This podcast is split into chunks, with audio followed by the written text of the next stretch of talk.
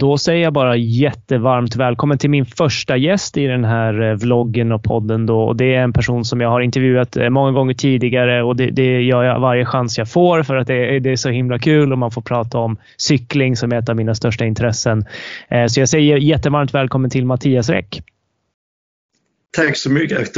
Till och med få, få vinkar för jag vet att jag är både inspelad så att... Ja, det är ja. lite märkligt det här. Nu sitter vi och spelar in det. Vi brukar göra podcastformat. Format. Vi har gjort det många gånger i tyngre träningssnack och även i tyngre distans som jag gjorde. Sådär. Men nu, nu får vi försöka vara lite så här. Vi får röra på armarna lite sådär och hålla tittarna evigt, intresserade evigt. också. Vi har ju lite prickar där i bakgrunden ser jag. Så vi kommer återkomma till de där röda prickarna på vit bakgrund eh, senare. Men jag tänker så här, du ska få berätta lite om din bakgrund här inom cyklingen och vad, vad det är du jobbar med och sådär. Ja, jo för de som inte vet vem jag är så, så um, jag är nu inne på mitt tionde år som, som, uh, som helt enkelt proffstränare på högsta nivå. Jag började i ett lag som på den tiden hette Giant och sen blev det Giant Alpecin och det är det laget som nu heter um, uh, DSM. Eller det kanske inte ens heter DSM längre. Nej, jag tänkte att det hette Sunweb, gånger. men jag är tre säsonger bak. Sen var det Sunweb och sen är det DSM. Men, men eh, jag är nu inne på mitt sjunde år i det laget som hette Trek Fredo. Men precis innan touren så bytade vi alltså helt och hållet beklädnad till att heta Lidl Trek. Så att Lidl som har varit inne i cykel i ganska många år för de som tittar på VM nu i, i, i Glasgow så kan man se också att, att Lidl finns med. De är med och satsar på en del tävlingar. De var i Quickstep för några år sedan. Mm. Då åkte alla omkring med bananer i Just det. Eh, de jag tänkte att det, alltså, det, var, det var väldigt passande där, för nu efter, eller under inflationen här så är det många som har upptäckt lågprisbutiken Lidl, så jag tänkte att det, det hade ni också gjort här. Precis, och de var en av de första som också liksom tog det här liksom, eh, allvaret i det att försöka liksom ändra prissättningen och sänka lite grann. Och så här, det ska man väl ha fått en del cred för också. Mm. Eh, så sen vet jag inte så mycket mer om det men det är absolut så att det har, eh, det har väl fått upp ögonen för sådana här lågprisbutiker helt klart. Så i alla fall, i normala fall så byter man ju inte sponsor mitt i säsongen. Men eh, Lidl var väldigt angelägna att komma in och Segafredo hade inget alltså hade inga problem med att hoppa av ett halvår tidigare. Så att mm. i helt ömsesidigt beslut så blev det så att veckan innan Tour de France då skulle det här skiftet ske. Så det är klart det var ju rätt så lång förberedelse. Och jag kan ju tänka er att du ska ha nya kläder. Eh, bilarna ska strejpas om, bussar, lastbilar, allting på 30 mm. cyklister för herrar, 14 damer, det är säkert 20 massörer, 10 mekaniker, fyra lastbilar. Så det är 20 bilar så det är klart att det är ju rätt mycket. Ja, det är känsligt om det står fel också. Det får du inte gärna göra. Alltså. Nej, och, och, och, ehm, och sen så är det klart att allting bytas ju inte utan väskor och grejer sånt. Det får man liksom använda små fina klistermärken och så får man ändra det här. Ja. Eh, sen är det ett bra tillfälle att göra det just på touren för att då brukar man ibland ändå ha nya cyklar och man har lite nytt av allting sådär. Och ibland har man mm. till och med helt nya kläder. Så att eh, men, och det är ju det är också den, alltså för, för cykelintresserade så kan det finnas andra tävlingar som man tycker är viktigare. Många kanske följer hellre Giro d'Italia eller tycker att ja. eh, Paris-Roubaix är den viktigaste tävlingen eller så. Men, men liksom för de som inte är jätteintresserade av cykling så det enda de känner till är ju Tour de France och det är ju det absolut största. Ja. Är kommersiellt och på alla sätt så, där, så man kan ju förstå rent strategiskt att de ville komma ja. in där och få touren under bältet. Så är det verkligen. På alla sätt och vis är ju touren störst. Men så har det inte alltid varit. Alltså om du går tillbaka till exempelvis 70-talet och början på 80-talet då när vi hade liksom segrar med Gösta Foglum och Bernt Johansson hade varit trea sammanlagt och Tommy Prim tvåa två gånger. Då var girot i stort sett alltså jämstort, eller i alla mm. fall mm. nästan. Men idag är, är ju verkligen touren kanske dubbelt så stor som både girot och Vuelta och det märks verkligen när man är där också det är helt otroligt vad det är stort för nu har jag ändå varit både på girot och Vuelta och allt möjligt. Men touren, bara den pressen det är, alltså hur mycket folk det är, vilken, vilken konkurrens det är. Alla är lite bättre. Det är så mycket media, det är så mycket intervjuer. Du måste liksom tänka på allting 51 gånger mer än någon annanstans. Mm. Och cyklister som aldrig har kört touren, de blir helt chockade. De kan ha varit proffs i fem år, kommer de till touren och så blir de liksom helt bara, men gud, Ja, jag visste att vi skulle sitta, eh, att vi skulle sitta rätt där två mil innan den kurvan som är extra allvarlig. Men jag kom inte fram. Och liksom, på en vanlig tävling då, då, bara, då kan du sitta hyfsat rätt och så löser du det. Här, om du sitter fel när det är tre mil kvar, då kommer du inte fram för det går så mm. fort. Och de bästa lagen bara blockerar ena sidan. Mm. Har Ineos bestämt sig att idag lägger vi oss på vänster sida med hela laget för, för att skydda våra ledare. De flyttar sig inte. De är så starka, de, de, de sitter där med två, tre man och de är så disciplinerade så det, det är totalt omöjligt att det så flytta på dem. Mm. Och liksom det tar ett tag att komma in i det här. Va? Så att där, vi har haft ett par stycken i våra lag. De är, alltså, man kan nästan säga att du kan nästan inte liksom det är ingen idé att skicka dit gröngölingar för de kan inte göra sitt jobb. De vet inte hur det funkar för det här påminner inte om någon annan cykeltävling. och sen den här, liksom, är, är, du van att prata med kanske två, tre, två, tre journalister på Giro d'Italia, ja men då är det 18 på touren. Ja. Och du får ha folk som, liksom ska, som ska ta och, och, och mota folk och skydda cyk, cyklisterna. Samma sak om det är så att som i mitt fall eh, när jag är på tävlingar då brukar man åka före och så scoutar man vägen. Mm. Att liksom, en cyklist, hur rutinerad och hur många torer han, han än har kört så kan de inte alla vägar. Och vi har ju GPS-filer och allting men du måste ändå liksom ha någon som, som, som liksom åker och kollar. Och det brukar jag göra. Mm. Och då är det så att det är liksom helt otroligt vad där är publik. Alltså du får nästan, man, man, får, man får vara så skärpt så att man inte kör på någon. Ja. Liksom, där är säkert 30 procent som är onyktra. Och sen är det ganska mycket barn och det springs hit och dit och du ska ja. köra omkring och där och hålla koll på och paraplyer och ja. ja det Och naturligtvis så, så eh, genom åren så har det funnits en del ska man säga, förare som inte har skött sig. Man kör för fort och grejer sådär. Så att det är ju väldigt bra. De, alltså, om du kör för fort i tävlingen, att du, om du kör som en jävla blådåre, då åker du ut. Mm. Där är poliser, de har alkoholtestat och det är jättebra. Mm. Men liksom, det, det, det, visar också på vilken, vilken nivå av organisation det är. Den är så otroligt bra organiserad. Du kan aldrig komma fel. Kommer du till andra tävlingar då är det alltid småfel här och där i filerna, i, i skyltning och allting. Här är aldrig ett enda fel någonstans. Mm. Det är så pedantiskt bra gjort.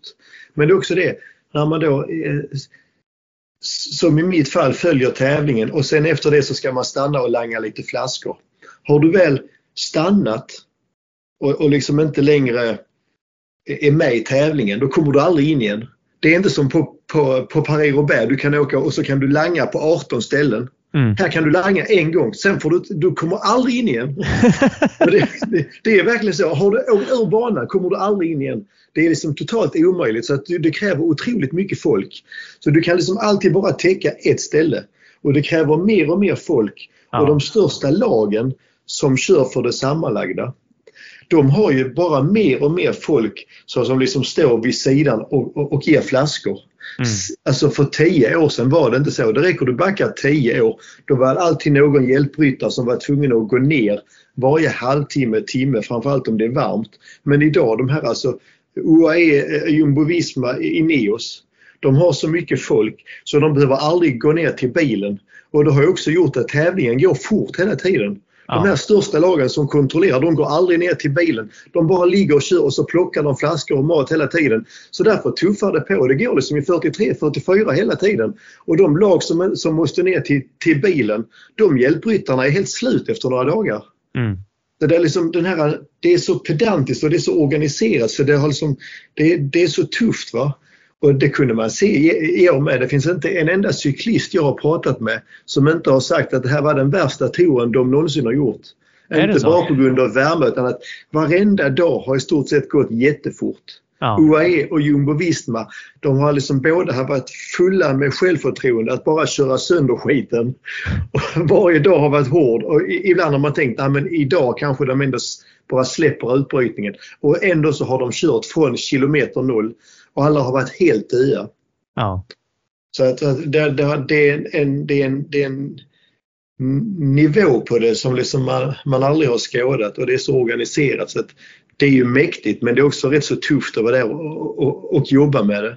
Ja, ja för du jobbar, ju som, eh, du jobbar ju som tränare då, så du, du tränar ju liksom åkare från, från laget året om. Men, men liksom när du är på, på tävlingar och specifikt på touren, då blir det ju som du säger, då får man ju liksom göra allt. Allt som krävs och allt som man då får göra enligt organisationen så får man göra för att, för att allting behövs där för att man ska liksom bara hänga med och för att inte ens snacka om att försöka vinna någonting. Ja, det, det är ju så. En tränare, är, det är ju den det är den du minst behöver under tävlingen. Tränaren behöver du innan men inte under tiden. Så att de gångerna en tränare är med på Tour de France och Giro d'Italia och sådär, då är det mer att man är lite allt i allo. Mm. De gångerna då jag har mest att göra eh, rent liksom, träningshantverksmässigt är om vi ska köra lagtempo eller tempolopp. För att då kan jag verkligen vara med då är det mer att göra. Det ska planeras uppvärmningar, exakta pacingstrategier. Man kollar banor och grejer. Då är det alltid bra att ha en tränare där. Så då när jag kom ner, jag, jag kom alltså ner söndagen innan vilodagen. Mm. Den sista vilodagen. Och sen var det tempo dagen efter. Nu var det så att det tempot var oviktigt för oss för vi hade ingen som liksom var, var kvar på topp 10-listan. Så det enda vi skulle göra den dagen det var att Chicone skulle satsa på den här sista backen för där var bergspriset. Mm. Men i övrigt så, så var det liksom en ganska lugn dag för oss. Men, men annars är, är det en sån dag där jag verkligen liksom jobbar som tränare. Annars så är det så att man är där, är, är lite allmänt mysfarbror. Man analyserar, man analyserar filerna i efterhand på, på kvällen och, och kollar lite. Men det mm. kan jag ju även göra hemifrån egentligen. Mm. För att så fort de kliver in i bussen så har vi, så har vi wifi och så, och så har jag filen. Va? Men det som coachen oftast gör i lagen det är att de åker då liksom 30 minuter före. Och så kollar man vägen, väder, vind och, och sådär. Och, och, och, om det är några farligheter. Mm. Eh, och inför det här, då, alltså ni, hade ju, ni har ju genom åren så har ni haft liksom profiler. Eh, senast var väl eh, Vincenzo Nibali har kört för er, alltså en tidigare vinnare av Tour de France bland annat. Och, eh, Richie Port har kört för er och sen har ni haft, ja, eh, innan det, alltså innan du kom in ja. i laget så är det ju Andy Schleck och, och vidare. Och så där. Alltså, som kör ja, för liksom, totalen eller försöker att vinna liksom, viktiga etapper på det viset.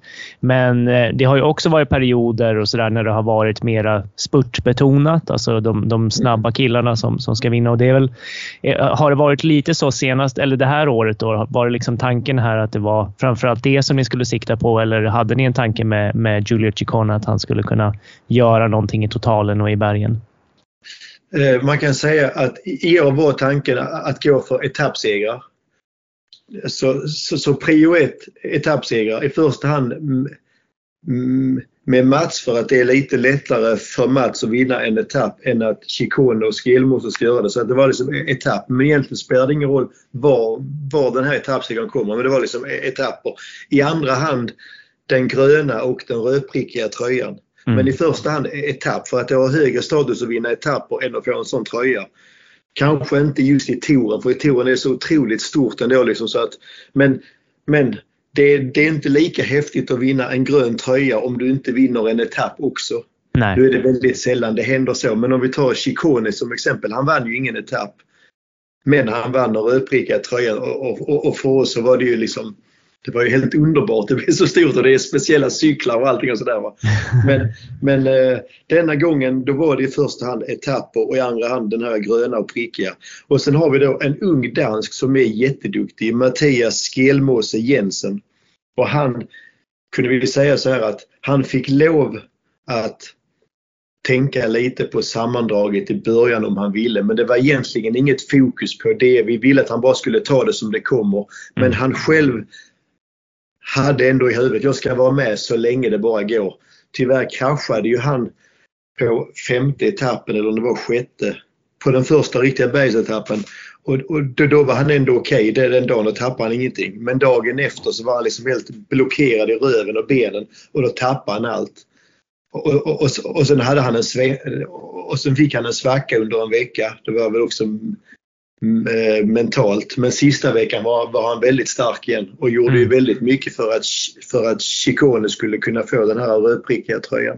Mm. Det, är så, det som skiljer sig ganska så tydligt i ett lag när man ska köra för det sammanlagda och när man ska köra för etapper. Det är att de åren då man ska satsa på det sammanlagda som vi gjorde med Richie Port eh, 2020 var det va? Det var ja, det året då. Kom han trea då? Var det så? Ja, ja. Det var, inte, det var inte så många år sedan. Det var det året då Pogacar överraskade och vann. Det var 2020 ja. Precis. 2020. Det var det. Då var Richie Planche de Belfi. Ja, precis. Då, då är det ju så att eh, då brukar man ha ett mera tydligt upplägg där i stort sett hela Tour de France-laget är på läger tillsammans. Och då var vi i Isola 2000, det är typ bara en och en halv timme ifrån Nice flygplats. Kommer du upp och så bor du över 2000 meter.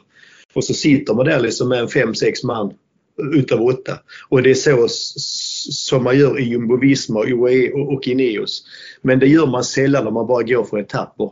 Då kan mm. folk liksom göra lite som de vill. Och där är några som kör Schweiz runt, några kör Dauphiné, några kör STCLM och så samlas man. Men de här sammanlagt-grejerna, där är det annorlunda. Då har man liksom ett fett läger innan där alla preparerar sig och du byter liksom inte laget tre dagar innan touren bara för att någon har lite svacka och så, utan då bestämmer man sig ganska långt innan de här ska köra touren och så, och, och, och, och så preparerar man dem väldigt tydligt. Mm. I, I vårt lag, om någon inte är tillräckligt bra, ja men då kanske vi tar och switchar någon. Alltså typ en hjälpryttare, ah, han är inte tillräckligt bra, då tar vi han istället. Det skulle man liksom inte göra i Jumbo-Visma om du har liksom satt honom tre veckor på höghöjdsläger. Då räknar man ut att okay, han är kanske inte tillräckligt bra just nu men det är tre veckor tour, det här ordnar sig liksom. Man tar liksom mm. inte och byter någon bara för att han inte är liksom sådär. Så att, där, där har man lite mer långsiktigt upplägg. Och där är det liksom där, lite att ja. Eh, själva lagsammanhållningen kanske blir lite mer viktig än det här rent fysiologiska då. Liksom att man kanske inte har de sista procenten, men man känner sina, liksom, sina lagkamrater och man har det här samspelet just eftersom det blir så viktigt när man kör för sammandraget. Då. E, e, exakt, exakt. Och, eh, men i övrigt så kan man säga liksom att det är ju Schweiz runt och det är Dauphiné, Dauphiné eh, Libre. Det är de två tävlingarna som, som i så sett alla de här cyklisterna kör som, som behöver ha sig en riktigt tuff genomkörare. Spurtare, de är inte alltid de är inte alltid, alltså det är inte alltid nödvändigt att de, att de ska köra liksom ett 10 dagars hårt etapplopp innan utan de kan ofta hamna till exempel i, i Belgien runt eller i det här STZLM i Holland Eh, det vet jag inte ens om det finns kvar nu. Det kan hända att det har. Det, det, det är många som försvann i pandemin. Mm. Men, men de här spurtarna de klarar sig ofta på lite lättare tävlingar. Så jag vet att Marcel Kittel han körde alltid STZLM och, och, mm. det gjorde även Greipel och några andra. Och så skickar man in de här lite tuffare klassikeråkarna. Peter Sagan körde nästan alltid Schweiz. Degenkolb Schweiz. Men liksom förra året när Tour de France började i Köpenhamn då var ju Mats i, i Belgien detta året körde han ingen tävling alls för att han hade varit på Giro d'Italia. Och det gick ju bra mm. ändå liksom.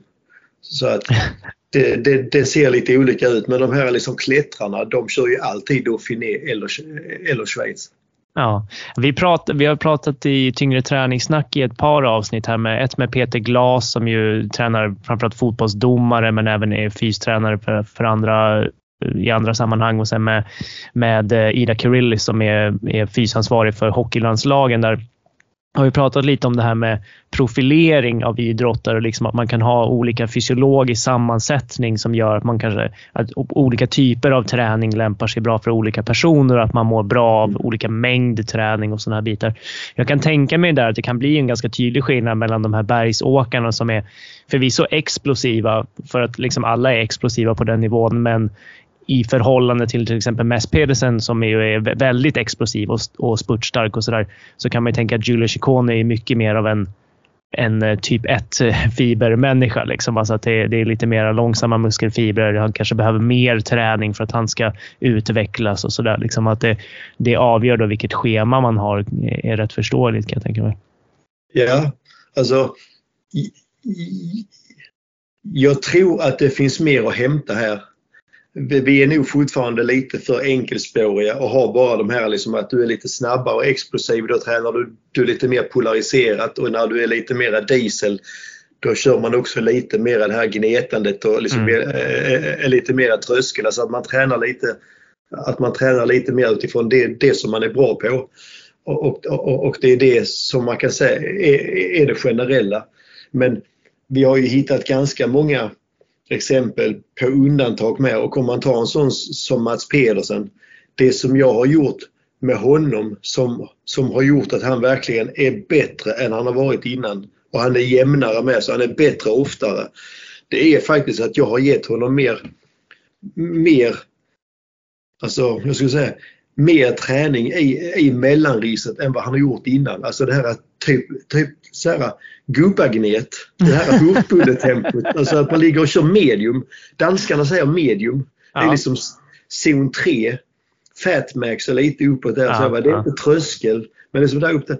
Och det har liksom överlag ganska mycket timmar. Jag ökade ännu lite mer och så lite mer gnet.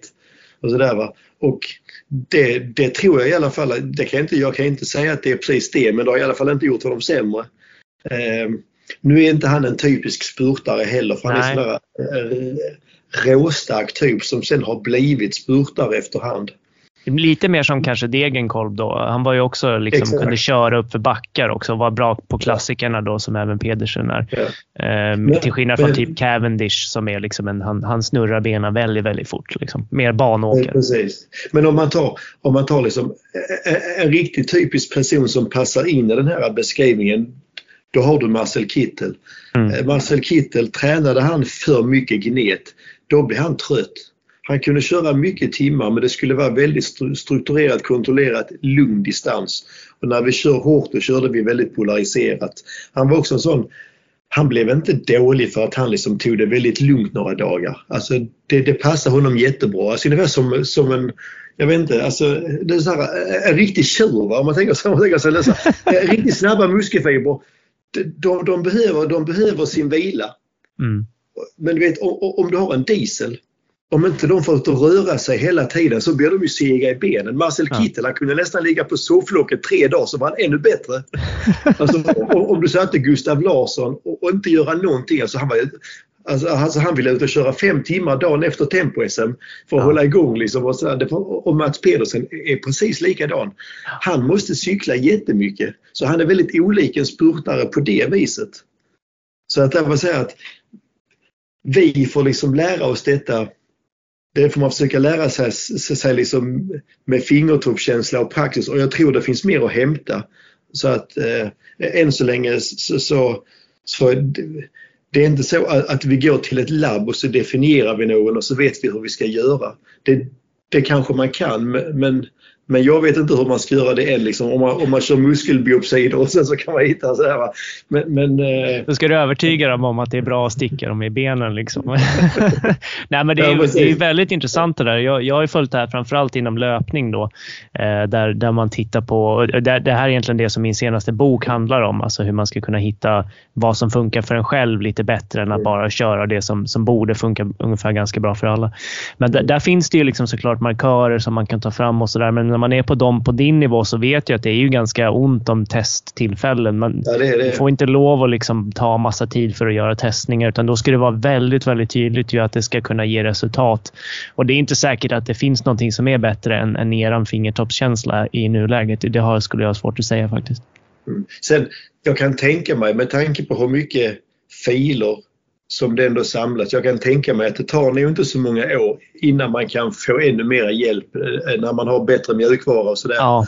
Och så, um, ett gammalt klassiskt öststatsinstrument som ju användes mycket förr i alla fall, det var ju det här att, att man mätte urea. Ja, just det. Och det, det, har vi gjort en del också för att vi har en av våra läkare har ett sådant instrument och då tar han med ta, ta med det på träningsläger och sånt för, för annars så har vi ofta liksom svårt att, att, att göra det. Och, och, där är ju så liksom att, att, en sån, att en sån som Mats Pedersen, alltså det är nästan så att det är bättre för honom att, ta i riktigt hårt för, för, för att då är, det, då, då är det precis som att han får igång alltså sådana här återhämtningsprocesser som gör att han, liksom bara, att han bara blir piggare. Så om du ser liksom andra, de får bara högre och högre värde som, ja. som bara visar att det är dags att vila. För honom kan det bli tvärtom ibland. Så liksom, han blir verkligen bättre och återhämtar sig bättre när han får köra, köra riktigt hårt. Ja, ja men det... det ser man i vissa. Liksom. Det ser man i vissa. Så det är därför liksom att man tror inte det är sant. Va? De är ute och kör 5-6 timmar med intervaller och dagen efter är de piggare. och det är väl därför du kan se en sån som Mats Pedersen sista veckan i touren där han är helt otrolig. Ja. Alltså ja, precis. de som har kollat på etapp 19 eller kolla VM nu. Nu vet jag inte eh, när folk ska se det här som vi spelar in nu men vi spelar in det här, det är bara några dagar efter VM och det VM-loppet är där Mats ligger och går på allting i 10 mil. Och liksom, han borde, alltså, det är helt otroligt att man orkar. Han, han har alltså över 1000 watt varenda gång det är spurt upp i backen. Och så hålla på med det i 10 mil. ja, nej, men det, det säger verkligen någonting och det är klart att man kan, då har du ju testat fram det. Då vet du ju det. Liksom, mm. Men du ja. skulle ju också kunna ha försökt dig på det så skulle han bli för fullständigt övertränad. Liksom. Och det hade inte varit så lyckat. Så man skulle gärna ja. vilja hitta dit med ett blodprov eller någonting. Liksom. Så ja. det, men det, det, är nog som du säger. Jag tror att det finns någonting. Det finns mer att hämta där. Och som du säger inom cyklingen här, och de här filerna och effektmätarna och den datan man får in där. Det är ju så tacksamt. Liksom. Det finns så mycket att analysera och, och, eftersom man kör i hela intervallet från tvärlugnt till liksom maxspurt så kan man ju mm. liksom mm. ganska snabbt få sig en, en profil av ja. om hur den här cyklisten eller hur den här människan funkar. Liksom. Och det är ju det är därför man måste vara väldigt lyhörd och, och, man får inte som idrottare vara, för det har jag mött ganska många gånger, att, att, att idrottaren, där blir liksom träningen som ett självändamål och de är liksom helt övertygade om att träna jättemycket, det är det enda, det är det enda sättet. Och om man har den tron om man gör det ett par år, då kan ju karriären vara över. Mm. För att man liksom inte var beredd att liksom omvärdera. Va? För hade det varit så, så lätt att alla som tränar mest var bäst, då hade ju alla tränat 1100 timmar. Liksom. Mm. Men det är ju verkligen, alltså där är verkligen så, vissa behöver mycket träning för att bli bäst. Alltså sitt eget bästa. Men jag har ganska många exempel på folk som blir bättre om de kör 800 timmar istället för 950. Mm. Men det måste man ju inse själv också. Det räcker inte alltid att en tränare säger att nu ska vi testa detta istället. Om de ändå inte liksom går med på det, då hjälper det liksom inte. Nej, Nej det, det, det, var lite nackdelen där med Nils van der Poels manifest där, att det blev någon sorts tanke om att så här, ju mer träning desto bättre för alla och, och där tänker jag så här, nej, nej det, det har vi nog tillräckligt många exempel. Jag, jag, tänker ofta på att du har sagt det också, att det, det är så tydligt att det finns skillnader på individer här, hur mycket de ska och hur mycket de tolererar. Liksom. Och det, det tycker jag går mm. igen i nästan alla sammanhang. Nu har jag ju träffat Nils eh, några gånger och han är helt grym tycker jag sådär, och, ja. och är väldigt klok. Men jag har inte läst hans manifest men, men, men men, men jag vet ju hur han tränar. Däremot så vet jag inte om han har sagt att alla måste träna, träna lika mycket som honom. Det, det tror jag inte. Nej, det, nej det, så är det. Då, det kommer han är väldigt klok. Det, jag, jag, ingen kastar någon skit på honom. Nej. Det skulle ju sabba en hel generation om alla skulle försöka träna som han gör. Han har ju säkert tränat lite mer än han behöver det också om man ska vara ärlig. Mm. Så där, det är inte säkert att, att det som... Så, så att, uh, mm. Så är det. Men eh, du, ni, ni, lyckades ju vinna en etapp då, så att liksom eh, det, huvudmålet var ju uppnått och det var ju mest Pedersen som lyckades ta en spurtetapp. Och det var ju då för andra året i rad som han vann en etapp och tredje året i rad, om jag kommer ihåg rätt, som ni vann en etapp i laget. Så det är väl ändå en ganska bra svit. Alltså det är ju, man ska ju veta det det är klart att det, det är jättehäftigt att vinna den gula tröjan i slutet. Det är ju liksom någonting helt enormt för ett lag. Men en etappseger för en, en individuell åkare och för ett lag är ju också enormt på alla sätt och vis. Precis. De flesta åker ju inte dit för att köra om, om den gula ändå och därför så har man inte det som ett mål. Det kan vara bra för de som lyssnar på det här som inte är cykelnördar så kan man säga liksom att även om Tour de France är världens absolut största tävling och liksom det måste vara ett av de allra största årliga grejerna överhuvudtaget. Alltså det kan inte vara mycket mer än OS och fotbolls-VM och någonting till som är så, så, så stort som Tour de France. Så, så är det så att det, det, betyder inte att det är de 200 bästa cyklisterna som ställer upp på touren utan man använder ju dem som du behöver för ditt ändamål.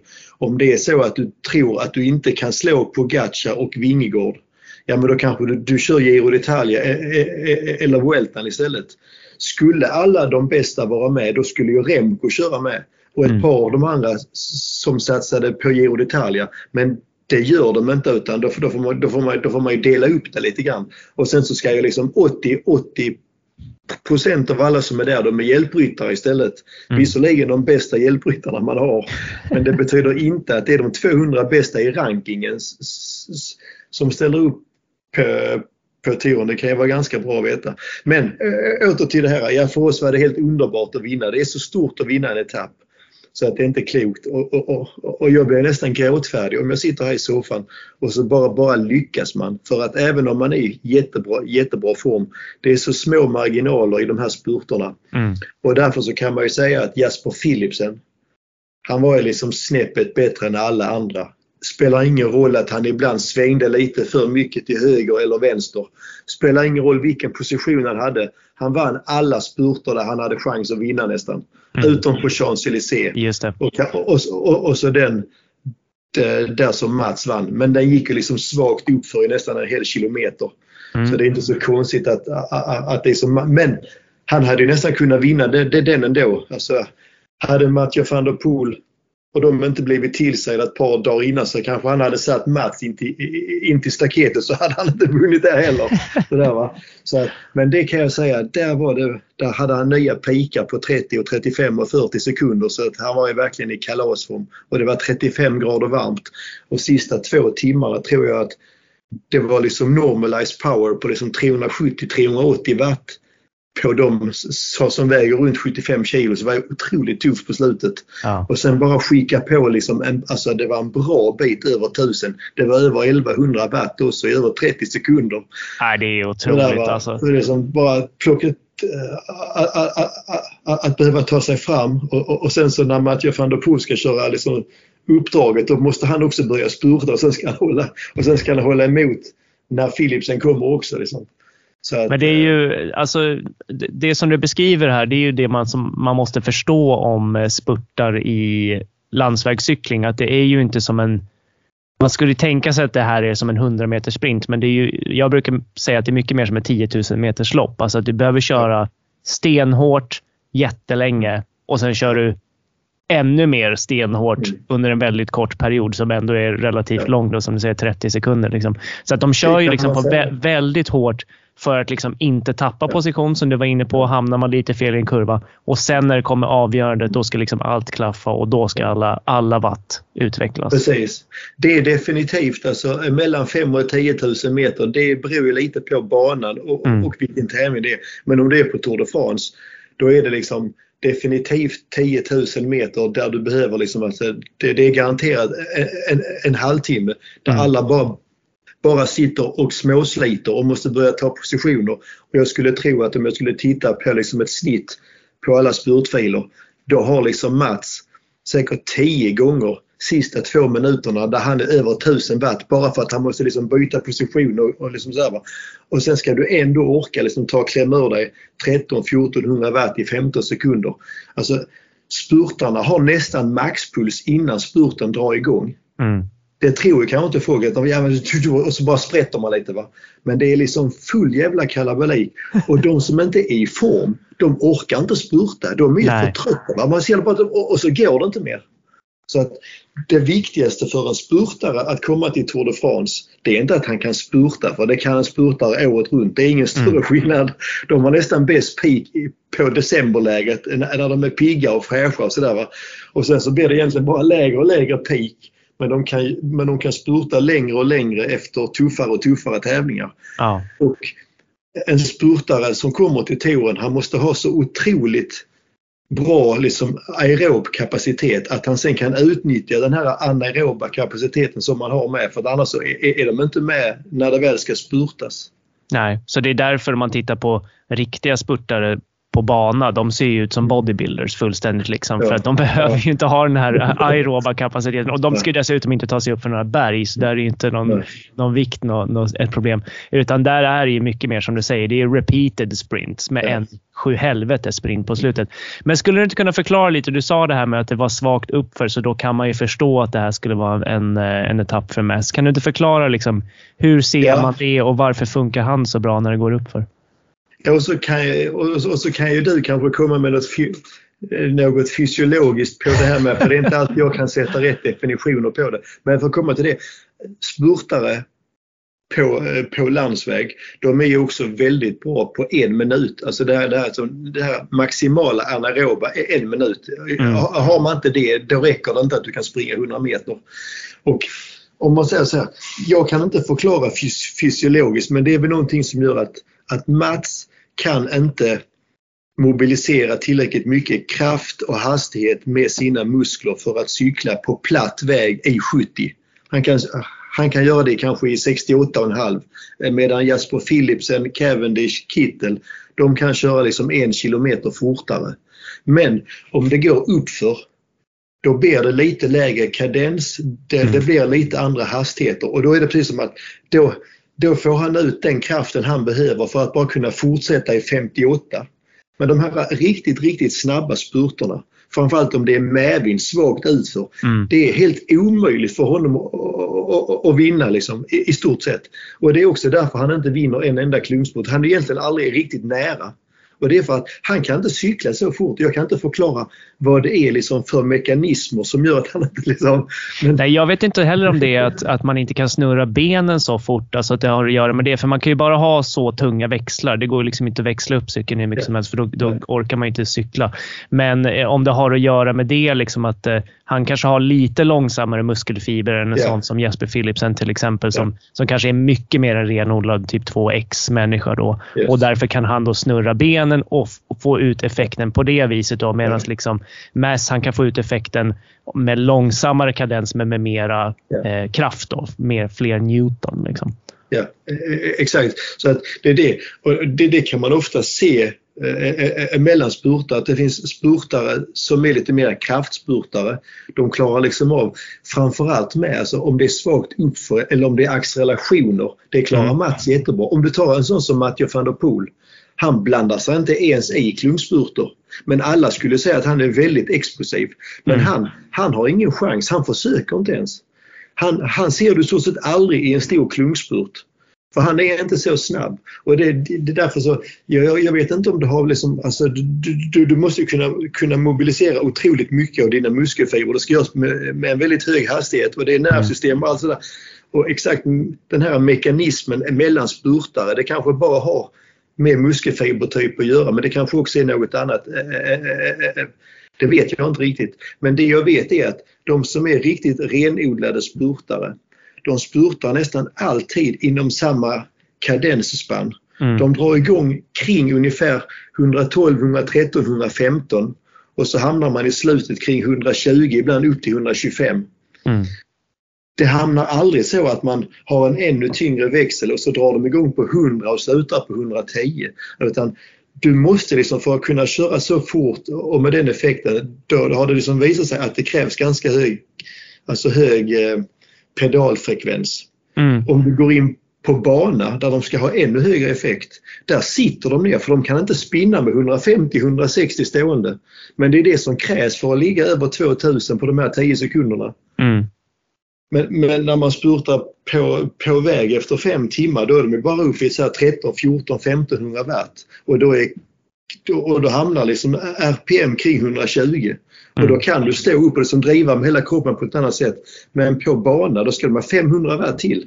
Mm. Och då sitter de och så bara trampar de ihjäl Och så hittar man den, den, den, den växeln som funkar för att hålla 150 i, i, i RPM. Mm. Så det, det, det, är rätt intressant. Liksom. Så det verkar vara liksom någonting med, med nervsystem, muskelfibrer kontrakteras snabbt nog och så får den, den eh, den eh, pedalfrekvensen. Jag tänker det att, liksom att anledningen till att van der Poel kan då eh, vinna VM eller han kan vinna eh, vad heter den här, ja, de vita vägarna i ja, Toscana. Strade, Strade Bianchi, precis. Där det liksom är, går upp för på slutet. Så här, det, det, måste väl ha att göra med att han har en, en väldigt, väldigt bra aerob kapacitet också. Alltså när vi pratar ja. om väldigt bra så, så här, den är ju helt exceptionell givetvis. Men jag menar nu i relation till hans konkurrenter då.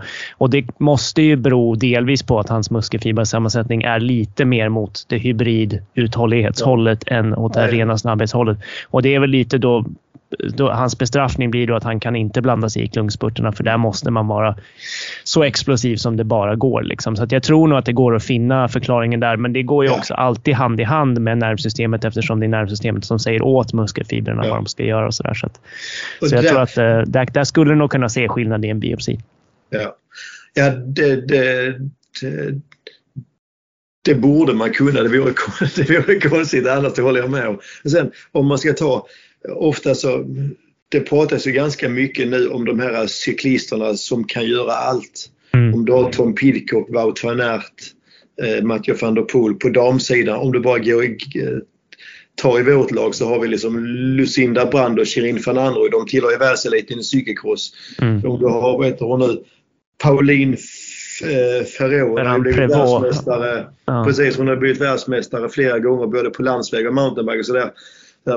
Och, eh, men det, det, den som jag skulle säga rent fysiologiskt eh, eh, alltså kan täcka de största ytterligheterna i alla fall på herrarna, det måste vara Wout van Aert. Mm. För att han, han kan verkligen han är inte lika teknisk som Mathieu van der Poel. Det är så, jag vet inte om, om han ens skulle kunna ställa upp på ett VM i mountainbike och göra sig liksom rättvisa där. Men, men om vi tar så, bara, bara, bara rent fysiologiskt så kan alltså Wout van Aert klättra ibland med 6 watt per kilo i sista backen i Alperna.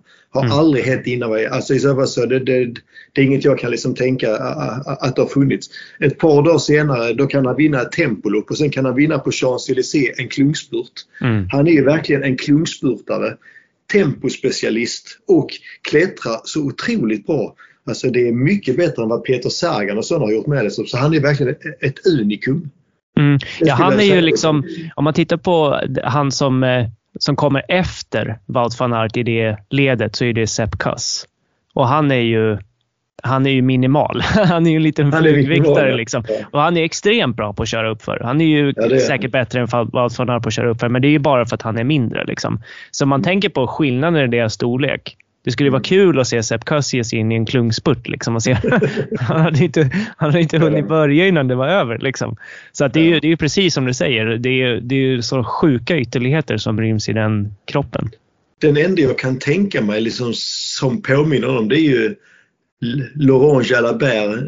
Nu, nu är du betydligt yngre än mig. Ja, det, jag har bara sett dokumentärer av honom. Nu pratar vi 90-talet, men han, han kom ju fram som spurtare. Sen vann han ju faktiskt, jag, jag tror han vann Spanien runt. Så han spurtare och sen vann han tempo-VM med. Men det här är också under, under 90-talet. Så, alltså att det, men det är, liksom, det är verkligen den enda jag kan tänka mig så, som liksom under en karriär. Men, men, men men, men Wout han kan ju mer, eh, mer eller mindre göra detta liksom årligen. Han är liksom, det är helt otroligt. Och, om ja, vi tittar på de första etapperna i touren med. Han höll ju på att vinna både etapp 1 och e, e, e, etapp 2. Det är inte mycket. Alltså Nej, det är 15 sekunder hit liksom. eller dit liksom. Och liksom den här första etappen. Det var ju liksom fem minuter all out på den här sista backen och då var mm. kanske Wout bara 15-20 sekunder efter. Det kan mycket väl gå ihop igen och så kan han vinna en spurt. Nu orkar han inte riktigt. Och, och, och, och där var det helt sjuka värden med. Och då menar jag inte sjuk att jag tror att det är misstänkt. Jag tror inte att någon här är dopad. Det kan jag säga. Innan man, innan man jobbar i branschen då kan det vara så att alla är dopade och så bara slänger man ur sig grejer. Eh, eh, eh, när du väl tar och jobbar i branschen och ser hur jävla starka folk är. Då tror du inte längre det. Alltså. Det är inte det att jag sätter mig och kolla han, han måste vara det. Aldrig. Nej. Eh, vi vägde fan. Mattias Skillmåse, Mats Pedersen och sådana, de är så starka vet du, så inte klokt. Och varför skulle det inte finnas någon som bara är, är liksom, eh, lite bättre? Ja, men var, varför inte liksom? Ja, jag förstår. Men, men den här gamla statistiken som man kan hitta hos liksom Kogan och sådär. Liksom, om man tar liksom fem minuters peak då står det sådär världselit 7,6 watt per kilo. Den där första etappen i Tour de France som var liksom högt tempo hela dagen, ett par backar och sen en, sista backe. Då gjorde de liksom strax över 8. ja, det har hänt en del alltså. Det har hänt en del liksom. Och, och, och det som, så att det, det går framåt. Tour de France går inte fortare bara för att det har blivit snabbare cyklar. Nej. Eller att det bara finns folk längs med vägen så, så att du kan ta flaskor. Utan vi kan ju verkligen mäta effekt. Och vi vet ju att man idag det är fler som kan, som kan klämma mer watt och de bästa kör ännu mer effekt. Men de har ju inte högre syreupptag. Det är inte Nej. det att liksom äh, Vingegård han sitter inte där med liksom 100 i testvärde utan de har liksom samma upptag som man haft i alla år. Va? 70, 80, 90, alltså alla de här testvärdena, det, det, där ser du ingen skillnad ju. Men effekten går sakta men säkert upp hela tiden och det tror jag beror på att vi liksom, man liksom finslipar träningsmetoder som gör att du kan liksom bli mer effektiv. Mer, alltså, du kan cykla fortare med det du har. Det, det, ja, jag kan liksom inte få det till något annat utan att det här, det här spannet när man ligger liksom i det övre, övre registret av VO2 med låg anaerob. Där, har man, där kan man liksom kräma ur mer och mer och mer. Jag kan ja. inte få det för att det är, som, det är någonting som gör att du blir effektivare. Du kan köra fortare. Och det är också därför som jag tror att skidåkare har blivit intresserade av, av liksom den typen av intervaller som jag introducerar. Att istället för att köra 5 gånger 5 på VO2, den är ju den, den är inte alls fartbetonad. Det är inte hög fart. Det du kan göra i fem minuter, du kan ju springa mycket fortare i fem minuter om du tar och bryter ner det. Och det är samma sak om du kör fem gånger åtta minuter. I många sporter då, skulle man säga att man tränar fart om man kör åtta minuters intervaller. Men det är ju inte fart egentligen. Alltså i, i cykel är tröskelintervall ingen fartintervall. Nej. Det du kan hålla en timme. Alltså, hur kan man definiera det som fart? Man kan Nej, köra är, mycket fortare än så. Liksom. det, är ju, liksom- det är ju lite som det här eh, dubbeltröskelupplägget som är ganska populärt inom eh, löpningen ja. nu också, där man har tröskelintervaller som, som man kör 400 meter. Då kan du ju köra liksom 5000 meters tempo eller så ja. under, de, eh, under de intervallerna och det är ju ganska långt över den andra tröskeln. Då, så att, så det, ja. det är just det här fartbetonade och att hitta sätt att, att få in det också och mm. därmed liksom få in mycket träning med hög fart. Det, det, är, det är nog absolut någonting som, som man kan utnyttja mer. Och, och, och, och, sen så tror jag med att även om det ibland kommer upp det här liksom, och det finns också exempel på folk som, som kan bli bra på liksom mindre specialiserade träningar, att man gör mycket annat. Mm. Jag tror ändå att på liksom mer generell basis, om vi nu pratar cykel i alla fall, då är det så. För att det här ska höjas så krävs det ganska mycket liksom, grenspecifik träning. I perioder klarar man sig jättebra, det finns alltid undantag. Men, men överlag tror jag att väldigt mycket grenspecifik träning ihop eh, eh, med det här liksom att man kan samla på sig mycket fart utan att det kostar för, kostar för mycket. Det är nog, det är nog två metoder som jag verkligen tror eh, gör att man liksom sakta men säkert under liksom perioder kommer att se liksom att, här är, att det här går upp. Alla de här, den här statistiken som jag hade förr och, och, och, och, när jag tittar på vilken data vi hade 2014 kontra det vi har nu, då är de ju bättre. Och det är inte mm. bara det att det går, det går inte bara snabbare för att det är däcken som är bättre. Utan de, alla klämmer högre watt. Alltså Mats Pedersen kan köra en bra bit över 6 watt per kilo i 20 minuter och han är spurtare. Alltså du hade varit världsmästare liksom på en kuperad bana nästan. Nej, inte riktigt. alltså, det, det, det är inte många klassikeråkare som 2014 kunde klättra med en bit över 6 watt per kilo. Det var snarare 5,8, 5,9, 6 kanske någon. Och nu, och Mats är inte bäst.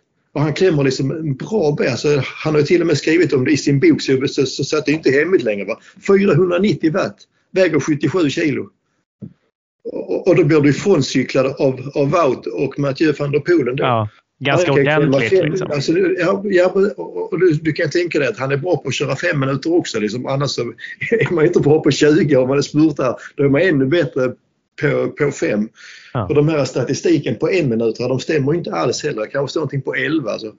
alltså jag tror Mats är uppe i 13-14. Alltså det, det, det, det, där är liksom verkligen, det är förskjutet uppåt. Men ja. det har ingenting med liksom VO2 att göra.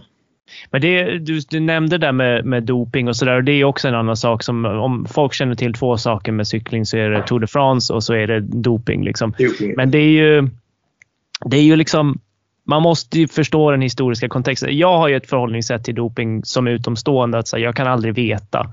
Och därför så, jag, jag, ser det så här att när jag tittar på cykling eller fotboll eller vilken annan sport som helst så tänker jag så här, jag gläds under tiden. Det här är underhållning för mig. Jag tycker att det är kul att se. Cykling är extremt intressant taktiskt och fysiologiskt och så där, det, det gläds jag åt. Sen Sen liksom vet jag inte. Även när du säger så här att jag vet att de här inte är dopade, då säger jag så här, ja, nu säger Mattias det. Jag kan inte veta. Jag behöver inte veta. Det, är liksom, det räcker för mig det här. Ja. Men folk, när man ser den här förbättringen, när man ser också de här tiderna som de slår i backarna och sådär. Som är liksom extremt mycket bättre än det var för några år sedan. Eller det är ju liksom lite jobbigt att se när de är snabbare än Armstrong och sådana här bitar. Även om mm. vi som... Ja, det, det förstår jag med. Och, ja. och, det ska man komma ihåg. När vi var på Tour de France, efter det tempoloppet där Vingegård kör så otroligt bra. Ja. Och eftersom att jag vet vad Chicone hade på de där 5,5-6 minuterna och bara slog Vingegård med typ 3 sekunder. Och då kör ju ändå liksom, då kör ju ändå Vingegård med tempocykel som nu väger ett kilo mer. Mm. Eh, och det var helt rätt. Det kan jag säga. Jag vet inte varför Pogacar bytte. Den dagen då jag var där och kollade på det så sa jag direkt, här ska man inte byta cykel. För på toppen av sista backen så var det liksom 3,5-4 kilometer svagt uppför. Ja. Och där, om du sitter i tempobåge där liksom. Så att, ja, jag vet inte riktigt varför han bytte Men, men det, det, det, är bara en parentes. Nej, jag, liksom, jag blev också lite förvånad ja. här faktiskt. Men liksom, eh, vi, och då sa vi så här. Så, helt, helt grymt vilket tempolopp han gjorde. Hade Pogacar varit sig själv hade det inte varit en och en halv minut men det spelar ingen roll. Helt otroligt ändå. Och då sa vi så här nu ska ni få se, det tråkiga här blir nu att det kommer vi bara få en massa frågor om, om doping imorgon. Mm. Och det blir ganska mycket det med liksom, kan detta stämma och grejer och sådär. Va? Uh, och, Men vad, vad tycker man, du om det, det då? Det får man bara hantera liksom. Ja, för du, du måste ju ändå räkna med det. Liksom. Jag har inga bekymmer med det för, för att, för att jag, eh, jag, eh, jag förstår att de frågorna kommer. Men i och med att jag är inne i det, det var inte så. Vi kom inte in i bussen, satan det här är inte normalt. det är ingen, och det, och det, var samma sak på den tiden då jag, då jag var med Degenkolb och så. Och så Peter Sagan är liksom bättre än alla andra. Det är inte det att vi kommer in i bussen, fy fan han måste vara dopad. Nej. Utan det är bara, han är, och, och liksom, vanligt folk förstår nog inte hur bra Wout är eller Mattias van der Man måste vara ganska bra själv för att fatta hur mycket bättre så ja. jag, jag, jag, brukar säga det ibland. Jag tror, jag, jag, jag tror det var Jesper Parnevik som hade sagt så här, han hade, han hade fått frågan. Är Tiger Woods så himla bra som alla säger? Och då sa Parnevik så här. Ni förstår inte hur bra han är. Han måste vara så bra som jag nästan för att fatta hur bra han är för han är så jävla mycket bättre än oss. Det där, va? Sådär. Och, och, och, och, det är liksom, de är otroligt bra eh, eh, vissa där men jag menar, det kommer ju alltid fram vissa som är sådär extremt speciella så, så att jag, jag tar liksom inte och kopplar det till, till liksom fuffens. Och jag har ju själv sett hur himla bra folk är som kommer ibland som 19-20-åringar. Och om de då liksom utvecklas på rätt sätt så finns det ingen anledning att tro att de rent prestationsmässigt, vattmässigt skulle liksom uh, hålla på med lurendrejerier. Sen, sen är jag inte blåögd. Det åker ju dit folk lite då och då så att det är inte det. Men, men det går liksom inte att koppla att de bästa åker dit eller att de, att de dopar sig utan att det kan mycket väl vara, vara någon idiot som vill, ha, som vill ha kvar sitt jobb i branschen fast han inte är bra nog. Mm. Så, där var så att, så att eh, Ja, det, där är ju, alltså, det, det, blir ett svårt... Man kan ju inte sitta och koppla bra prestationer till doping. Det, en bra prestation är ju inte ett bevis på doping och, och även det här liksom att saker har blivit bättre är inte heller ett bevis på doping utan det är liksom en möjlig hypotes. Man kan säga så här att när Pogacar vann där 2020 så var det ju många som ifrågasatte hans eh, insats då upp, upp för Planche de Belfi, vilket kanske mer var att Roglic inte var tillräckligt bra just den dagen, då, vilket man kunde se på honom. Då. Men, men eh, Eh, att man liksom, det, det är en, en möjlig hypotes för det är ju att så här, ja, men Pogacar är sönderdopad. Alltså det, är, det är det som gör att han är så otroligt överlägsen. Men det är bara en hypotes. Det är liksom inte en, Det är inte bevis på doping utan då måste man också visa på det. Och att hålla på då och, och liksom följa en sport och hela tiden gissa doping för att mm. förklara allting. Jag kan inte riktigt förstå glädjen i det. Utan jag, som sagt, jag säger så här, titta på det, gläds av det, erkänn att du inte kan veta varken till eller från och liksom så här, tills det finns bevis på det så är det liksom inte en bra förklaring. För att vi har ändå, om man tittar på dopingkontrollerna så har det blivit otroligt mycket bättre än det var på den här fula tiden på Jalabert som du pratade om och så vidare. Så det, är ju, det har blivit extremt mycket bättre och marginalerna för vad man kan åstadkomma med doping är mycket mindre idag om det förekommer alls jämfört med tidigare. Exakt, och du kan ju tänka dig det här organiserade. Liksom, alltså, vem vågar hålla på med... Alltså, det, det är för mycket pengar och, och, det är för många som kommer att åka dit. så att Om det sker, då är det nog väldigt lite folk överhuvudtaget. Det är liksom aldrig där organiseringen längre. Och en annan sak med i och med att jag jobbar i branschen, den är ändå så pass alla känner alla på något sätt. Mm. Alla har kört med honom. Alla, så, det, det pratas aldrig om det nästan. Alltså, det, så, det är verkligen och det tror jag är ett bra bevis för att det verkligen är mycket, mycket renare än det har varit innan. Mm. Jag kan tänka mig på 90-talet, då visste alla om det och alla visste vem som gjorde det för det var så jävla tydligt med. För att det man använde, det hjälpte jävligt mycket. Ja. Och, och, det tror jag med. Hade det funnits någonting här som folk tog där det verkligen gör skillnad så hade det nog då hade det surrats om det och alla vet om det. Så här. Men, men okej, eh, vad vet jag? jag? Jag kanske fortfarande är så pass blåögd och om tio år då får jag veta att vi var lurade allihopa. det kan ju hända ju, det vet Men då, ja, då får man väl säga att det, ja. Antingen så har Mass verkligen lurat dig eller så har du lyckats göra ett jävligt bra jobb då om du ska ha blivit så lurad. Ja. Liksom. Nej, Mats har inte lurat mig. Utan det jag tänkte det var, det var, det var kanske att, att de här allra, de här allra jävligaste, att de kanske har lurat oss. Då får man väl säga att då har du ändå lyckats ganska bra. Liksom. Han, han är ja, ändå en tidigare världsmästare ja, så att det, ja, det, det, är väl ändå bara en, en badge of Nej, jag ska inte leda in det på för mycket dopingsnack, men jag tycker så här att för de som inte följer cykling, följer man det då har man ju koll på historien och hur det har sett ut med alla de här skandalerna och vad som har uppdagats och hur det har kommit fram och, och exakt vad som har hänt och vem som har gjort vad och sådär. Men har man inte koll på det, då tänker man ju att det är liksom, man tänker på Festina, man tänker på Armstrong, man tänker på eh, Floyd Landis. Liksom. Men det, ja. det, det, det, är ju inte på det sättet längre. Det kan inte vara på det man, sättet längre. Man får väl se det positiva i att i, i cyklingen, även om det tog lite tid, det var inte så lång tid ändå. Okej, okay, det har ju hållit på under längre tid, det var inte bara under 90-talet. Men om man tänker så här att i, i cykel, där var man ju tvingad att ta tur i det och det gjorde ja. man också. Det finns ju andra sporter där man har valt att liksom inte sätta dit storstjärnor skulle jag gissa. Utan mm. att det, utan att så, men man, har, man, man rensade ju helt otroligt. Alltså det mm. finns ju inga vinnare på Tour de France under de åren då, då Ulrich, Bjarne Riis, Lance Armstrong, man har ju liksom inte försökt att leta upp någon, någon annan vinnare. Utan man har ju bara strukit det. Mm. De har åkt dit och de är, de är verkligen, liksom, i vissa fall är de ju dömda, dömda för livet också. Va? Så att jag vet inte i vilken sport man skulle vara beredd att bara liksom ta och kapa lika hårt. Sådär. Alltså, de har ju verkligen gått igenom ett riktigt stålbad. Det har inte mm. tystats. De här olika, vad hette den här operationen? Var det Fuentes eller? Där det var 500 idrottare varav 150 var cyklister. Cyklisterna har blivit ditsatta men inte tennisspelarna, inte fotbollsspelarna. Nej, Operation Puerto, precis. Det var ju liksom, Puerto, det snackades ju om Puerto, Real Madrid och det snackades ju ja, om allting. Och det är så här, jag, jag, jag, jag tänkte precis likadant. Det var ju som det här när, när det här uppdagades som eh, Ryssland och det här under eh, OS i Sochi och sådär. Så jag är lite så här, ja, vi var väldigt snabba på att säga Ryssland liksom så här, och bara hoppa på ett, lat, ett land, en nation här. Det var ju lite som att säga så här, ja, Sovjet, Östtyskland. Lite så här.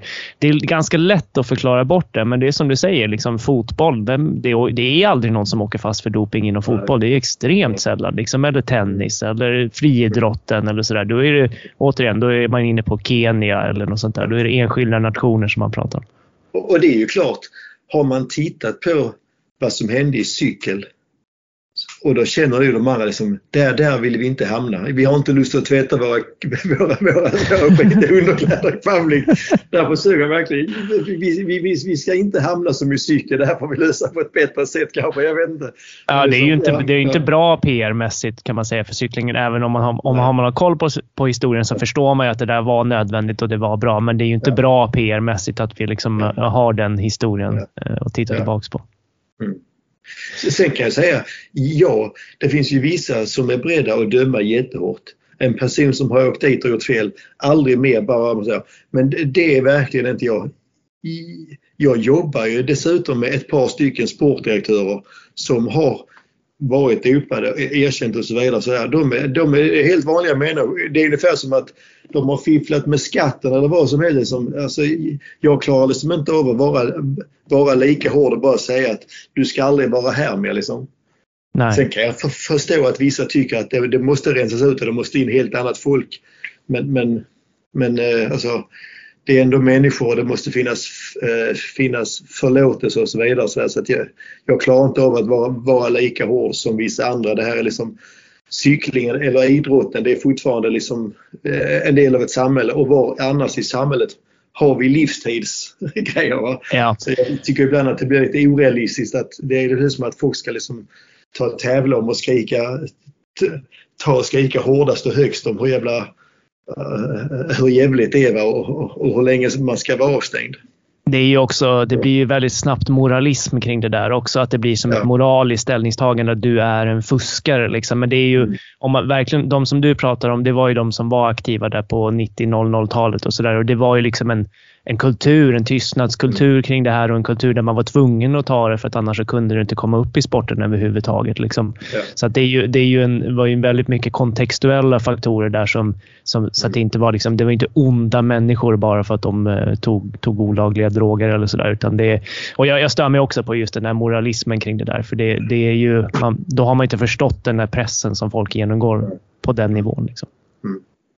Och sen det är klart, man ska inte glömma det. Det fanns ju de som valde att ta en annan väg och det är väldigt synd om dem. De, mm. har ju, de är de stora förlorarna, de som var rena och valde att inte göra detta och därför liksom fick ge upp sina drömmar om, om, om proffskarriär. Det är väldigt beklagligt, de glömmer mm. man ju bort ibland. Liksom. Men jag tycker ändå inte att man kan, man kan liksom inte ta, ta och spotta eh, på de här liksom fuskarna hela livet bara för det. Liksom, utan Nej, ja. speciellt inte. Ja. Även idag så är det ju inte hundraprocentigt när någon testar positivt. Så det vore ju väldigt hemskt att döma någon för livstid för någonting som inte är hundraprocentigt bevisat. Liksom. Så att det, jag håller helt med. Det ska vara ett rimligt straff men, men, men liksom, sen man ska kunna bli förlåten. Eh, vad. Ja, precis. Eh, liksom, och sen så, ni, eh, apropå den här eh, rödprickiga tröjan då, som jag ser där i bakgrunden. Ni, ni, lyckades ju med, med den stora bedriften också. Kan, ni, kan du berätta om det? Vad det är för någonting och vad ni ja. lyckades med? Ja, den rödprickiga tröjan, det var ju faktiskt den första tröjan som jag, när jag började titta på Tour de France på Eurosport i början på 90-talet, jag hade liksom ett intresse för cykel, så såg jag där en italienare med en tröja som jag tyckte var liksom snyggare än de andra för jag har alltid varit glad för liksom, äh, lite feta prickar. Jag tror det var Coca-Cola light som var då. Så, så det. det var den tröjan då. Idag är det Leclerc och innan dess har det varit Carrefour. Det har, det har varit lite olika. Men ja. den är alltid rödprickig och det är liksom den som har mest poäng på bergstoppar. Då är det liksom bergspris. Ungefär som att den, den gröna det är spurttröja, spurtpriser. Högst i ranking har jag den gula. Mm. Näst högst ranking har faktiskt den gröna. Mm. Och i tredje hand är det den prickiga. Så skulle det vara så någon gång att, att den prickiga även har den gröna, det har hänt någon gång kanske, då måste man ha den gröna. Och är det så att man har den gula så, så, så trumfar det ju allting. Men i alla fall, Chicone hade det som ett andra mål och efterhand, efter halva touren så börjar man märka sådär att om man har, om man har liksom slagläge eller inte. Det är inte det att ingen går in för att satsa på bara bergströjan. Alltså hela touren bara handlar om det. Utan det är någonting, man tar och söker etappsegrar. Kan man inte få det eller så här, och så samtidigt försöka få det andra. Är du, ja. för, bra, är, är, du för bra i klassemanget, alltså GC, då, då kan det vara svårt att vinna bergströjan för då släpper de inte iväg dig i utbrytningar där du kan samla på det och så vidare. Och sen den största konkurrensen här är ju att Pogacar och Vingård är så jävla mycket bättre än alla andra.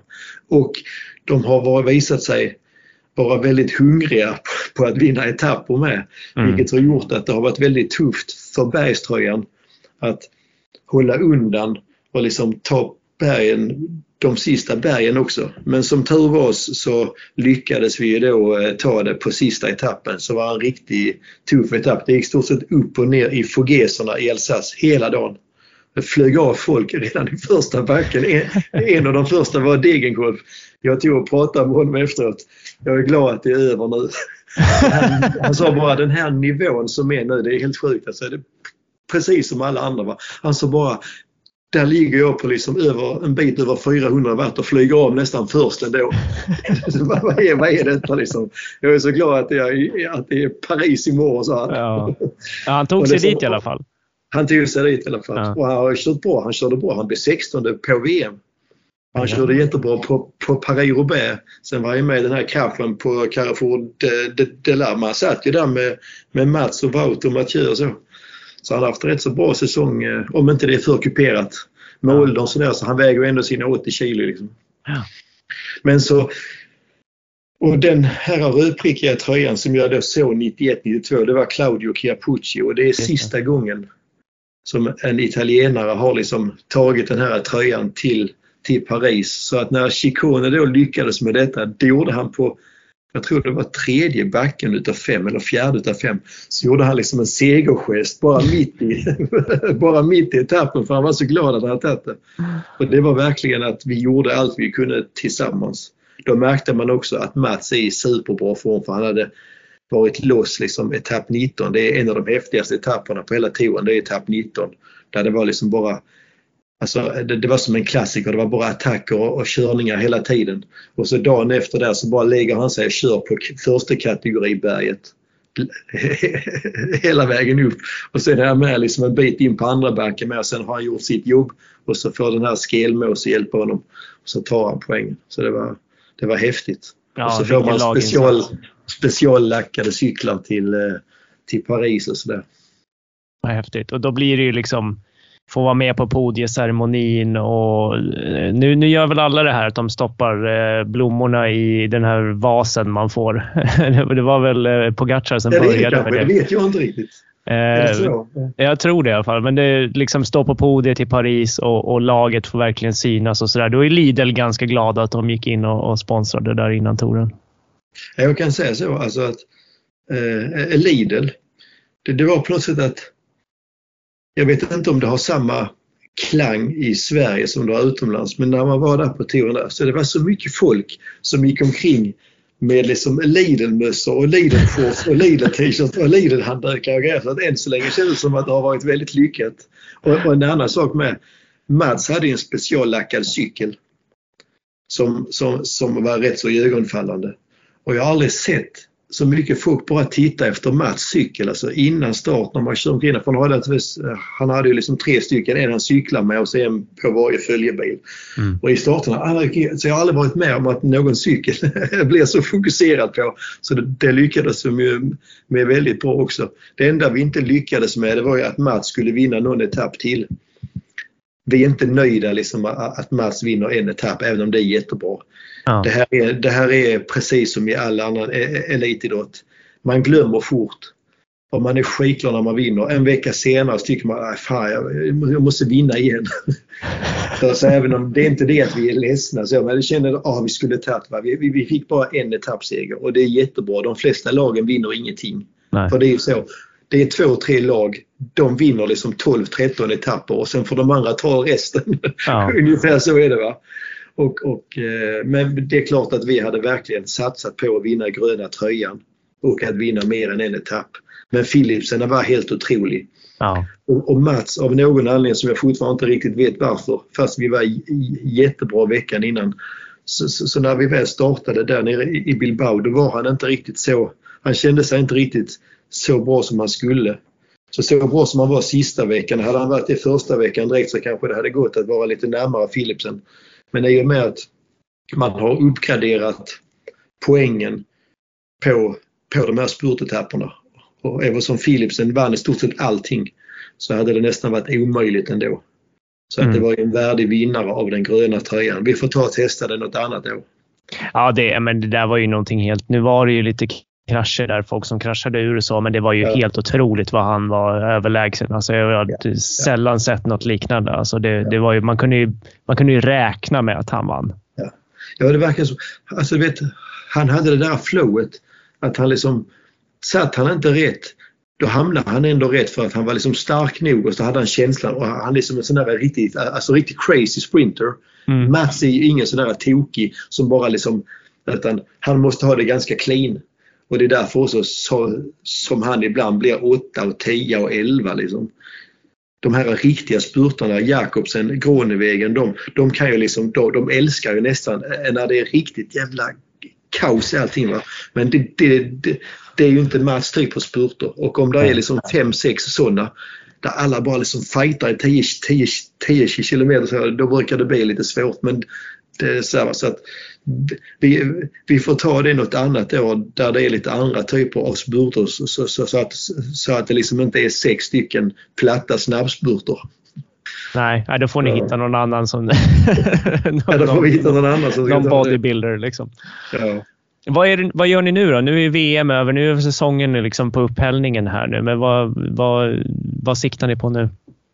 Ja, man kan säga nu ehm, för vår del så har vi, vi, har inte lag för att ställa upp med liksom ett kalaslag både på Giro, Touren och Vueltan. Det laget vi har i Vueltan, det är inte dåligt men det är absolut inte som att komma liksom med med liksom topp, topp, topp och försöka satsa på sammanlagt och liksom fem etapper eller sådär. Förra året så vann ju Mats gröna tröjan och tre mm. etapper så det är lite svårt att matcha det men, men där ska vi ha liksom ett, ett, ett stabilt lag. Ofta är det så att i Vueltan kan man skicka in folk när de ska köra sin första, sin första Grand Tour. För att det gör ingenting om man är helt slut för sen är, det, för sen är säsongen slut. Mm. Du sätter inte in liksom en, en yngling i girot och så fuckar du upp hela hans säsong för han är helt slut efter girot. Ja, mentalt och fysiskt liksom. Helt ja. knäckt. Så att därför så är Weltan ganska bra.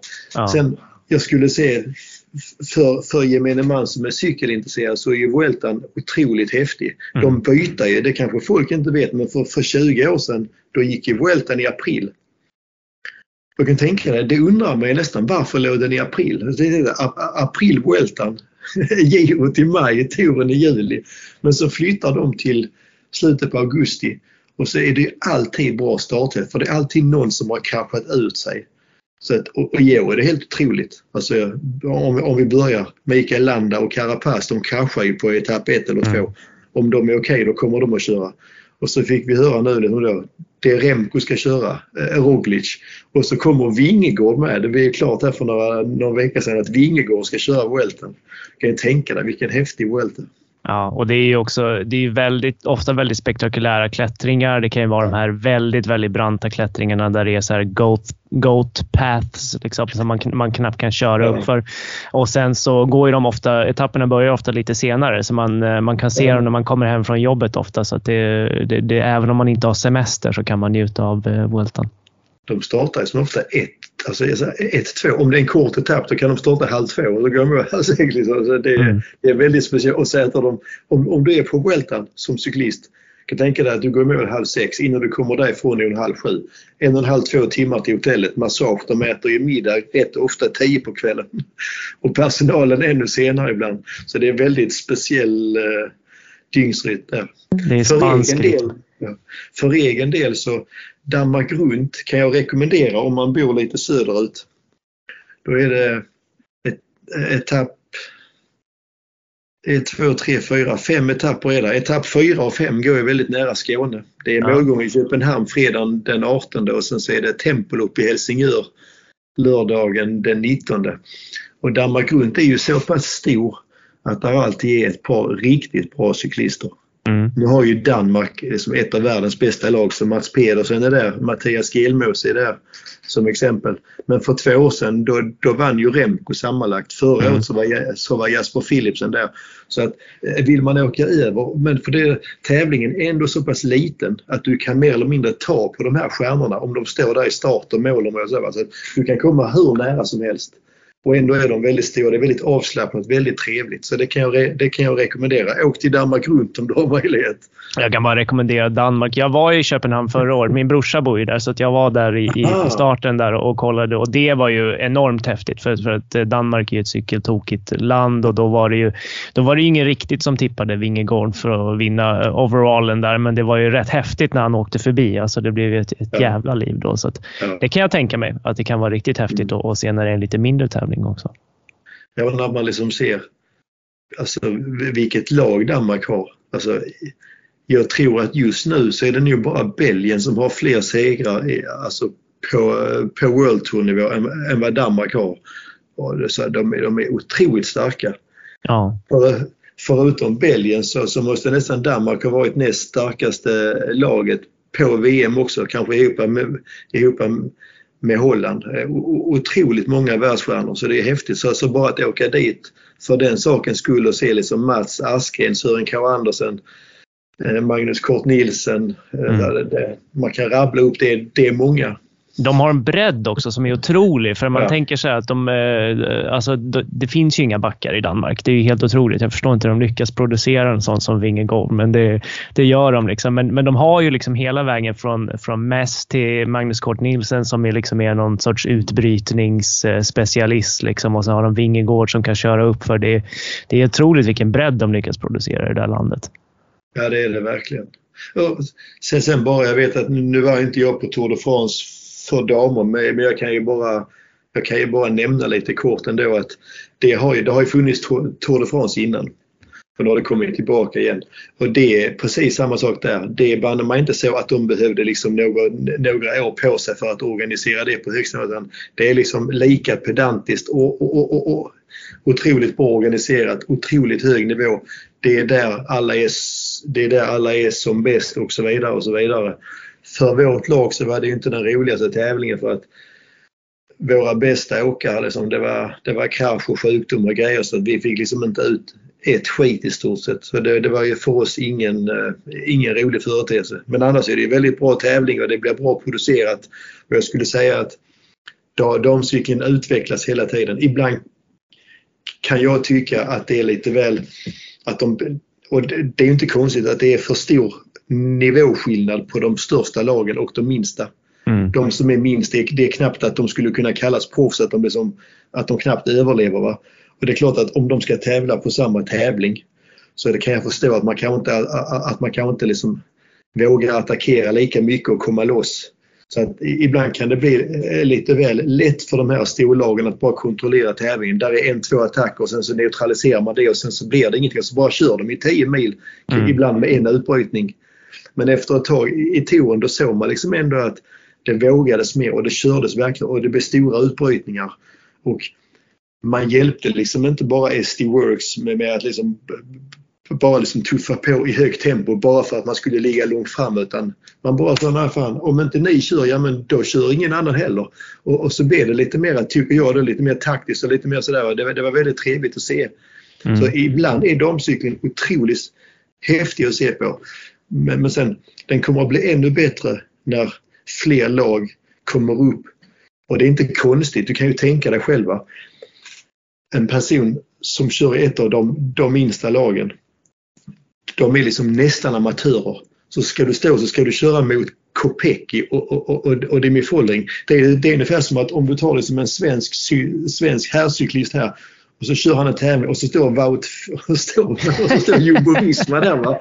Och så säger de till dig du ska försöka komma i utbrytning i början, du ska köra här fem dagar, 20 mil. Då, då, då, då, är, du, då är du nog lite rädd att, vad fan, hur ska jag orka detta om jag ska köra offensivt? Så man får ja. liksom ha respekt för, för, för detta också. Va? Men det var ju häftigt att vi hade fem svenska damer. Fem stycken nu. Och ja. vi hade kunnat haft två till för Emilia Fralin var inte där och inte Hanna Nilsson heller. Så det är de, på damsidan är det, ser det verkligen mycket bättre ut. De, de enda svenskarna som vi hade på, på touren för herrarna, det var jag och Claes Johansson som är ja. mekaniker. Nej, vänta, även, även Johan Landström, mekaniker i Wonti. Ja, ja. Tre svenskar och, och så Aiki får vi, får vi se som halvsvensk då. Aiki som, som är sportöver ja. i Wonti. Men det är som ingen cyklist. Det är lite, vi hade i alla fall fem på damsidan. Det är ju lite som damfotbollen där, att man får liksom uh, utnyttja den här uh, tiden när det inte är så stort. Liksom, så. Det, allsvenskan för damer var ju en av de bästa ligorna i världen. Det, det är det ju absolut inte längre och det beror ju okay. på att liksom, ekonomiskt så har ju England och, och Spanien och så där gått om eftersom de har inga, inte den här 51% regeln liksom. Okay. Det är väl lite som med den svenska cyklingen, alltså den kommer ju aldrig tror jag då, vara så stor som den är nu internationellt eftersom det är nu vi har liksom en, en boom så det går upp för mm. men det är inte så stort än att man har fått den här enorma investeringen som, som jag hoppas kommer här framöver. Då. Och det, jag tycker också så att bara så hur media täcker damcyklingen tycker jag är så, otro, det är så otroligt stor skillnad nu jämfört med bara tre fyra år sedan. Liksom att man, man känner till de här, de här namnen som du räknar upp. Jag känner igen alla dem och vet nästan ja. vilket lag de kör för, även om jag tyvärr inte har så mycket tid att kolla på det. Och så, där. Så, så tycker jag att det har blivit så otroligt mycket bättre och, och nivån kommer ju också bli jämnare och då kommer det bli mycket mer spännande tävlingar. Och sen det här som Tor att det faktiskt satsas på, på riktigt stora tävlingar. Ja, ja det tror jag också. Och, och, och de tecknen som man kan se, det verkar vara att de flesta stora lagen, alltså traditionella herrlagen, de vill ha damlag mm. med. Och det är naturligtvis alltså, det är inte bara för att man liksom tycker att det är rättvist utan i, jag tror verkligen att man även ser att det är business. Alltså ja. att det är det inte bara för att man är snäll, även om det, det är bra med att, att, man ser att det här är liksom mänskliga rättigheter, vi ska försöka göra det mera likt. Sådär, va? Men, så, så, men det är inte bara jämställdhet utan det är liksom även ekonomiskt. Och det är egentligen bara bra för då är det lättare liksom att, att, att, få det här jämställt om du även ser att för det finns otroligt mycket tjejer som cyklar. Och jag, och jag så, då att Trek började med ett eget damlag för några år sedan. Jag kan tänka mig att det liksom har varit ett, ett uppsving och det görs ju mer och mer specialsaker som är anpassade, alltså kläder, cyklar, allting för damer. De har ju mindre händer, allting är mindre. Varför ska man liksom ha varför, varför skulle det bara finnas cyklar som hade liksom så pass breda styren och allting bara anpassat mm. för killar. Va? Så att det, det, det är ju jättebra och det är bara att tacka och ta, tacka och ta emot. Jag håller med om det att nu bör man väl ha den största chansen att komma fram för det är klart att efterhand som konkurrensen eh, blir större då blir det ju svårare. Mm. Och jag tänker precis som du säger det här med att, att man går in och investerar och startar damlag. Nu får man ju verkligen utdelning för det. Man går ju verkligen in från grunden här nu och det är ju uppenbart på väg upp. Liksom. Så att med lite mm. pengar så kan man göra väldigt stor skillnad. I herrcyklingen så behövs det betydligt mer pengar för att göra skillnad eftersom det är ju, det är ju stater man tävlar där mot numera så det, det kan ju ja. bli svårt där. Och så. Ja, och apropå det här som jag sa att, att, att Wout van Aert tar hela spektrat Kopecky. Mm. hon är banne man nästan likadan. Hon var ju tvåa på tempot. Hon var inte så långt efter eh, när de körde upp för Col de Tourmalet. Hon vann första etappen starkt, liksom bara så här fyra meters backe, bara sprätter ifrån alla. Så det är också en helt otroligt. Hon har vunnit Strade Bianca liksom. Att vara en spurtare så stark på allting, det är helt otroligt liksom. Mm. Och det, är ju ändå, det säger ju mycket mer nu jämfört med för några år sedan. Då kanske det var ja. så när Anna van der Brechen var så himla bra. Då var det ändå så här, det, det fanns inte riktigt lika samma specialitet på damsidan längre. Att det fanns liksom riktiga spurtare och sådär. Men nu gör det ju mm. verkligen det. Så nu säger det mycket mer. Ja. ja, det är sant. För om du tänker dig. Vi har ju haft, alltså det är väl fortfarande så att Marianne Foss, jag skulle säga liksom, om man tittar på hennes, på hennes karriär och, och det, alltså om du skulle ta liksom bästa kvinnliga idrottare genom tiderna. Då skulle jag tro att en sån som Marianne Foss kommer nog väldigt högt upp. Så här, pound, mm. pound for pound vilken sport som helst. Mm. Sådär, va? Men, det, men det är klart att det är svårare att göra det idag än mm. det var på hennes tid. Även om hon var helt otrolig. Liksom, kunde vinna på allting hela tiden. Liksom. Mm. Och det är häftigt att se att hon fortfarande är, är kvar.